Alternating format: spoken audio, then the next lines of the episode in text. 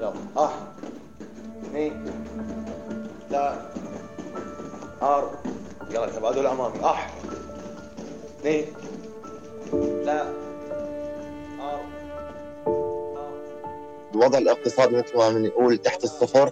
فاليوم اللاعب صار في عليه كثير من الأعباء إنه بده يحاول يأمن أكله الخاص والمنفرد فيه عن أكل عائلته. اليوم صار في تكلفة.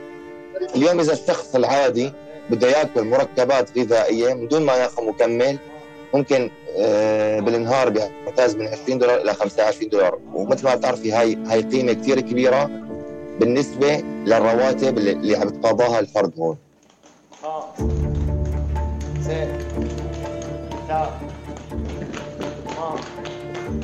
تعاني الرياضة في سوريا اليوم من حالة مزمنة من الترهل. في الخارج يتغنى الاتحاد الرياضي العام في سوريا بإنجازات رياضية كبرى. وفي الداخل لا يمتلك الرياضيون السوريون ثمن طعام صحي يغذي أجسامهم المحتاجة للبروتين. كلا الفروج مناطق النظام 75 ألف ليرة سوري راتب الموظف 300 ألف نفرض أو نفرض 150 ألف فاليوم إذا جبت كل يوم فروج معناته أنا خلص عندي الراتب وبعدها في كثير خبرات آه، هون موجودة بالشمال السوري. بس المشكلة ما بتوفر إلا الدعم اللازم أو الدعم الكافي. في عندنا هون أبطال ممكن ننافس فيهم خارجيا بس حقيقة مثل ما بيقولوا العين بصيرة الإيد قصيرة موضوع الدعم هو موضوع ما عم نحسن نحصله هون لحتى نوصل اللاعب للبطولات الخارجية. بينما يعاني الرياضيون السوريون في الداخل من قلة الدعم الرسمي طالعتنا الصحافة الروسية في منتصف العام 2023 بما أطلق عليه حينها فضيحة تزوير عن إدراج رياضيين ورياضيات من روسيا للعب ضمن المنتخبات الوطنية السورية بعد تغيير أسمائهم الروسية وتواريخ ميلادهم. وهي قصة تحمل الكثير من التفاصيل السياسية. وتكشف ما أطلق عليه صحفيون رياضيون الفساد المستشري في الاتحاد الرياضي العام للنظام السوري. يفتح بودكاست زوايا اليوم ملف الرياضة والرياضيين في سوريا. يسأل عن معاناتهم وكيف أثرت الحرب عليهم وكيف يتدبرون ميزانية اشتراكهم في النوادي الرياضية وتأمين الغذاء اللازم لبناء أجسامهم الرياضية. نتجه في زوايا إلى الداخل السوري لنسأل عن أحوال الرياضيين الذين لا يصلون إلى المنافسات العالمية. ولا تغطي قصصهم الأخبار الرسمية ولا يتحدث عنهم أحد.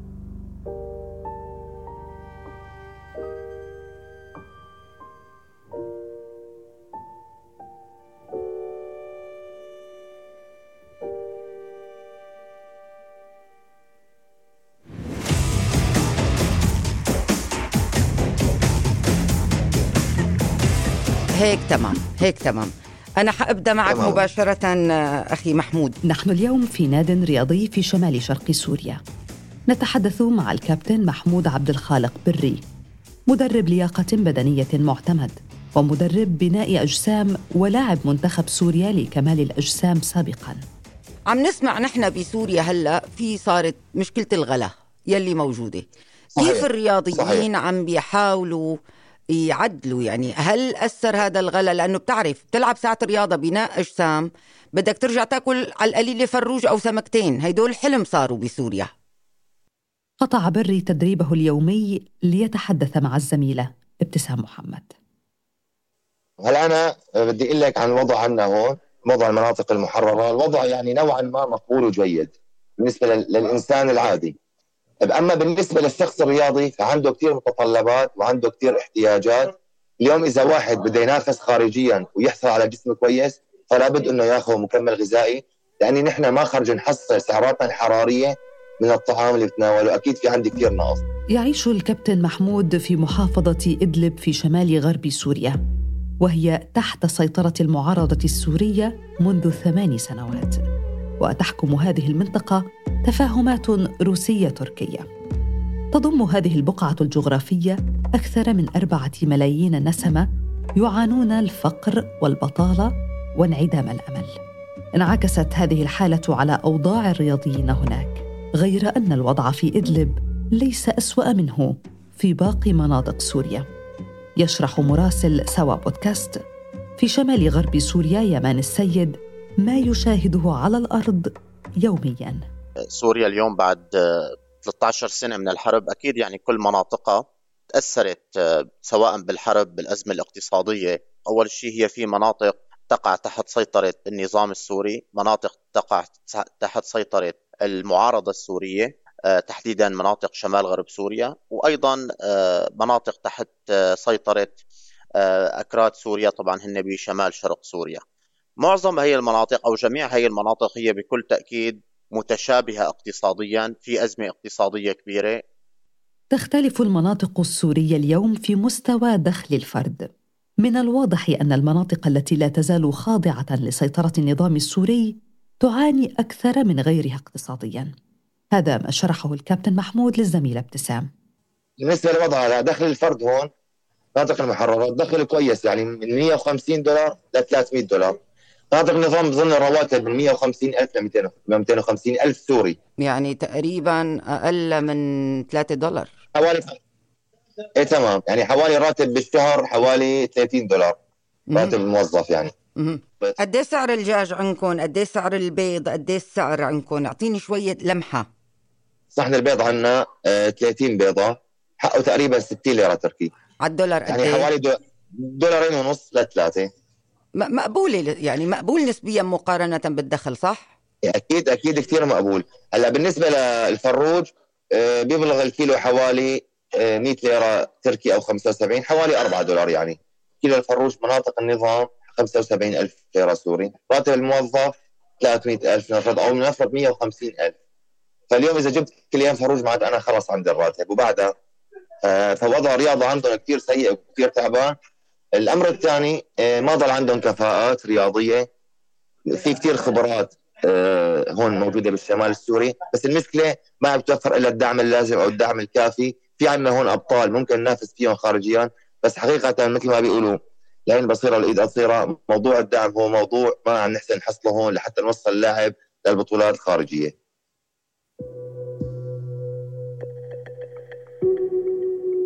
فقدان الدعم للرياضي السوري من جهة وتقديم رواتب مغرية لرياضيين روس في منتخبات سورية من جهة أخرى تسبب في إحباط كبير للرياضيين السوريين.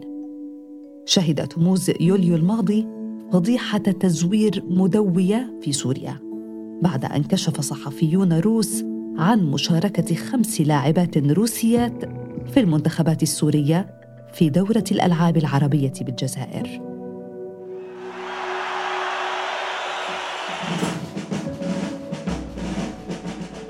أعد مراسل الحرة في إسطنبول ضياء عودة تقريرا عن هذه الفضيحة وتحدث إلى الصحفي الروسي سيرجي ليسين الذي كان أول من كشف عن عملية التزوير. في بداية شهر يوليو نشر الاتحاد الرياضي السوري إعلان لافت أورد فيه أنه إحدى لاعباته في دورة الألعاب العربية بالجزائر حققت ذهبية في الجمباز. هلأ للوهلة الأولى بين أنه الخبر لا غبار عليه وخاصة أنه هو حصل بالفعل.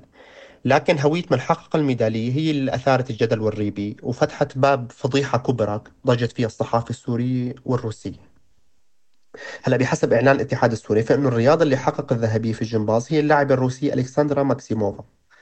هي اللاعبة انتشرت إلى عدة صور وهي تحمل العلم ذو النجمتين العلم السوري ومن خلفها عدد من اللاعبين السوريين.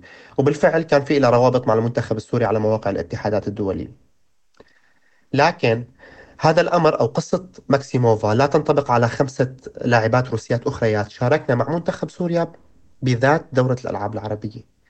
بعد عملية تزوير لأسمائهم وتاريخ ميلادهم وإدراجهم على أنه لاعبات سوريات ومن هون بلشت الفضيحة الصحفي الروسي سيرجي ليسين كان أول من كشف عن عملية التزوير واستعرض تفاصيلها وكيف تم تغيير أسماء وتاريخ ميلاد اللاعبات الروسيات ليصبحن سوريات بكل بساطة. نفى الاتحاد الرياضي العام في سوريا الأمر تماما لكن نفيه خالف جزئيا ما ورد من بيانات عن وزارة الرياضة الروسية. القصة لحقناها بموقع قناة الحرة بتقرير موسع وتحدثنا فيه بشكل أساسي مع المصدر الأساسي اللي اللي كشف الفضيحة وقضية التزوير واللي هو الصحفي سيرجي ياسين هلأ الصحفي أخبرنا أنه هو بيعتقد أنه شخص ما في سوريا أو في الاتحاد الرياضي العام أراد تعزيز المنتخب الوطني للألعاب العربية بدعوة الرياضيين الروس. وقال أنه هذا الشخص المذكور يعني من المؤكد أنه هو ذو منصب عالي بما يكفي لتنظيم جنسية سريعة وربما مؤقتة للرياضيات. تابعنا القصة مع صحفيين سوريين في داخل سوريا وفي مطلعين أيضا في خارج سوريا. هلأ اللي تبين أنه هو الشيء هذا يعني هاي القضية يعني ما ما بتنفصل عن أنه عن الشيء اللي عم يعانيه النظام. يعني هو من سنوات طويلة بيعاني من اقتصاد مترهل وأزمة مالية وعملية منهارة. وهذا الشيء انعكس بالطرد على القطاع الرياضي. واللي بيحتاج لمعسكرات وضخ أموال وهو ما موجود. يعني بحسب يعني تصريحات الاتحاد الرياضي العام ومسؤولينه لأكثر من مرة تحدثوا عن هذا الموضوع. أثر الوضع الاقتصادي المتردي وانخفاض مستوى دخل الفرد على وضع الرياضة والرياضيين في سوريا وعلى نوعية حياة الرياضيين ومهنتهم لا سيما بالنسبة للرياضيين المتنافسين في لعبة كمال الأجسام. هي الرياضة بشكل عام بسوريا نتيجة الأوضاع الاقتصادية والحرب تأثرت. يعني إذا بدنا نحكي اليوم عن كرة القدم أو كرة السلة أكيد تأثرت ولكن الرياضة الاكثر تاثرا آه، بالأوضاع الاقتصادية اللي عم تشهدها المنطقة بكل تأكيد هي رياضة كمال الأجسام، ليش رياضة كمال الأجسام؟ لأنه رياضة كمال الأجسام هي تعتبر من أكثر الرياضات المكلفة ماديا بالعالم بشكل عام وبسوريا بشكل خاص. طبعا هذا الواقع دفع عدد كبير من اللاعبين آه، خصوصا لاعبين كمال الأجسام للتوقف عن ممارسة هي الرياضة يحتاج الرياضيون المهتمون بلعبة كمال الأجسام إلى وجبات غذائية منتظمة غنية بالبروتين الحيواني الذي يأتي من اللحوم. في سوريا سعر الوجبة المغذية يصل إلى 15 دولارا أمريكيا وهي تكلفة عالية جدا على الرياضيين إنه نسبة كبيرة اليوم من الشباب اللي كانوا عم يمارسوا هي اللعبة عزفوا عن ممارستها لعدة أسباب. أهمها أنه اليوم هن ما عاد قادرين يفكروا جديا بالنظام الغذائي أو توفير النظام الغذائي وخصوصا اليوم أنه هن عم يقارنوا. يعني بكل تأكيد هدول الشباب عندهم عائلات هن بحاجة أيضا لطعام وشراب فهو ما بيقدر اليوم يأمن الوجبة له وينسى عائلته. غلاء أسعار اللحوم هي مشكلة واحدة فقط من المشكلات التي تواجه رياضي كمال الأجسام في سوريا. يحتاج الرياضي أيضا إلى قيمة اشتراك النادي التي قد تصل إلى 50 دولارا شهريا. ولو أراد الرياضي أن يشترك في بطولات محلية فعليه أن يشارك في تدريب وفترة تحضيرية قد تمتد إلى شهرين. وتصل تكلفتها إلى أكثر من 1800 دولار أمريكي. أما إذا أراد الرياضي المشاركة في بطولة دولية فستتضاعف مدة التدريب المطلوبة ومعها ستتضاعف التكلفة. وهو ما لا طاقة للرياضيين في سوريا عليه اليوم. طبعا اليوم النوادي إذا نحن بدنا نقارنها سابقا بالوقت الحالي أكيد في عزوف كتير كبير من الشباب عن ممارسة رياضة كمال الأجسام. اليوم إذا بدنا نحكي عن النوادي صارت هي بتعتمد يعني ليش اليوم النوادي فاتحة؟ لأنه عم تعتمد على الأشخاص اللي عم يجوا ممكن يمارسوا الرياضة فيها بهدف تخفيف الوزن وليس بهدف بناء الكتلة العضلية. يعني أنا اليوم حاولت أعمل تواصلات مع أشخاص آه، بمناطق دمشق بالشام أيضا بمناطق آه، شمال شرق سوريا. اليوم جميعهم أجمعوا إنه اليوم في عزوف كامل عن هاي النوادي. ما كانت طبعا سابقا باعتبار إنه دائما لعبة كمال الأجسام هي لعبة مكلفة. وبالتالي اليوم اللاعب قبل ما يفكر يدخل بلعبة كمال الأجسام هو عم يعمل مقارنة إنه هو قديش قادر يستمر بممارسة هي اللعبة وقديش هو قادر إنه آه، يكون قادر على آه، تلبية اللعبة من خلال اللحوم والطعام والبروتين والأشياء اللي بتحتاجها إضافة للاشتراك الشهري. إنه أنا عندي الوجبة الأساسية هي وجبة ما بعد التدريب، بس أنا اليوم بدي اوزع وجباتي بالتساوي يكون كل يومي كل ساعة بيومي محدد فيها شيء آكله، كل ساعتين محدد فيها شيء آكله، فالنظام الغذائي بيكون موزع بالتساوي على عدد الوجبات، أنا اليوم بحاجة ل 3000 سعرة حرارية راح اوزعها مدار وجباتي. دائما الشخص اللي بيكون عنده بده يبني جسم لازم تكون وجباته من ثلاثة لست وجبات يوميا مشان يصير في عنده بناء وتقدم واستمرارية. يلا بس أنتم جاهزين؟ اعطوني اشعار صرتوا جاهزين؟ في سوريا لا يتمكن الكثير من الرياضيين من تحمل التكلفة العالية للمكملات الغذائية الضرورية لبناء جسم رياضي. عم نحسن من أمن نوعا ما المكملات كلياتها وأغلب الأشخاص اللي عم يتدربوا بناء أجسام عم يأمنوا المكملات. أما بالنسبة لمناطق النظام ف 99% ما بيحسنوا بيأمنوا المكملات الغذائية. وأغلب المدربين عندهم بيطلعوا بيعملوا حلقات إن المكمل ما في له داعي وما له دور ممكن تستعين عنه بشغلات ثانية وهذا الشيء خطأ يعني. أمام الرياضيين السوريين الذين يحاولون بناء أجسامهم أن يختاروا بين نوعين من المكملات. الأول هو المكملات الأمريكية الصنع وهي غالية جدا بالنسبة لميزانية الرياضي إذ يصل سعرها إلى نحو 100 دولار. أما الثاني فهو المكملات المصنوعة في الهند ويصل سعرها إلى نحو 50 دولارا. يفضل الكابتن محمود المكملات الأمريكية الصنع ويرى أن لا بديل عنها أمام الرياضي المحترف. أنا اليوم بدي انتقل لمرحلة بناء الأجسام مرحلة كمال الأجسام لا غنى عن المكمل لا غنى عن المكمل لا غنى عن المكمل. يعني وإنه انت أنت بتحسن بتكون بطل بناء على الطعام العادي والأكل العادي التنوي بالبيت هذا كلام عاري عن الصحة ابدا. فتح غلاء أسعار المكملات الغذائية في سوريا الباب لابتكار حلول وبدائل عملية أمام الرياضيين. بعضهم اتجه لتناول أنواع أقل تكلفة من الأغذية التي قد توفر البروتين مثل البقوليات والصويا واللبن غير أن المدربين الرياضيين أجمعوا على عدم فاعلية هذه البدائل النباتية بالمقارنة مع البروتين الحيواني. هلا أي جسم بشري بيحتاج إلى نوعين من المغذيات؟ وهي البروتينات والكربوهيدرات والدهون الصحية، النوع الثاني المغذيات الدقيقة.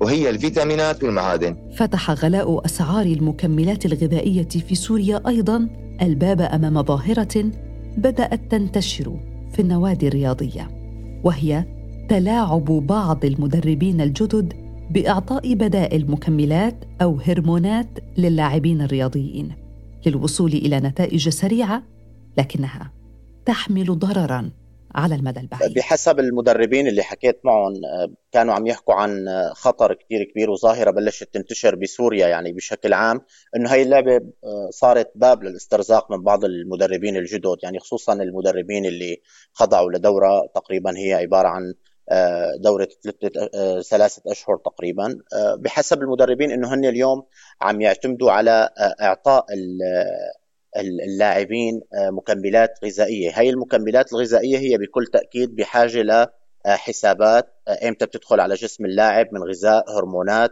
وأيضا يعني بيتم اعطائها بحذر ولمدة معينة وبحسب جسد كل لاعب لأنه كل يعني هذا الأمر بيحدده المدرب أو المسؤول عن النظام الغذائي. آه، لهيك اليوم يعني في آه، آه، في لاعبين مثلا ممكن يكون عمرهم 20 سنة فما بيصير يعطوهم بروتينات أو كمية معينة من البروتينات لحتى يتخطى سن ال لحتى يتخطى سن تقريبا ال 27 سنة. وحتى بدهم يكونوا بدهم يشاركوا ببطولات. لهيك يعني المدربين اليوم عم يقولوا إنه في بعض المدربين كأنه عم يعطوا سموم كيماوية بزيادة الجرعات للاعب لحتى يحصل على كتلة بدنية أو كتلة عضلية آه، خلال فترة قصيرة وهذا الأمر بكل تأكيد يعني رح ينعكس عليه وبالتالي ممكن يؤدي لمخاطر وأيضا يعني مضاعفات مع مرور الوقت.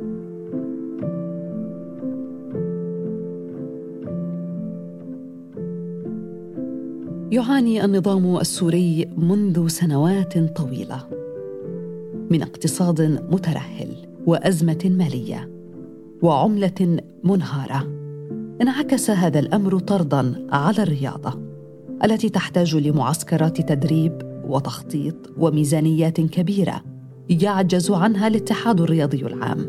وسط هذا العجز يبقى الرياضي السوري الذي يحاول الاحتراف وحيدا ومثقلا بأسئلة يومية وحقيقية ليست متعلقة بالتدريب والفوز وتحصيل ميداليات وإنما كيف أستطيع تأمين ثمن الغذاء الصحي واشتراك النادي؟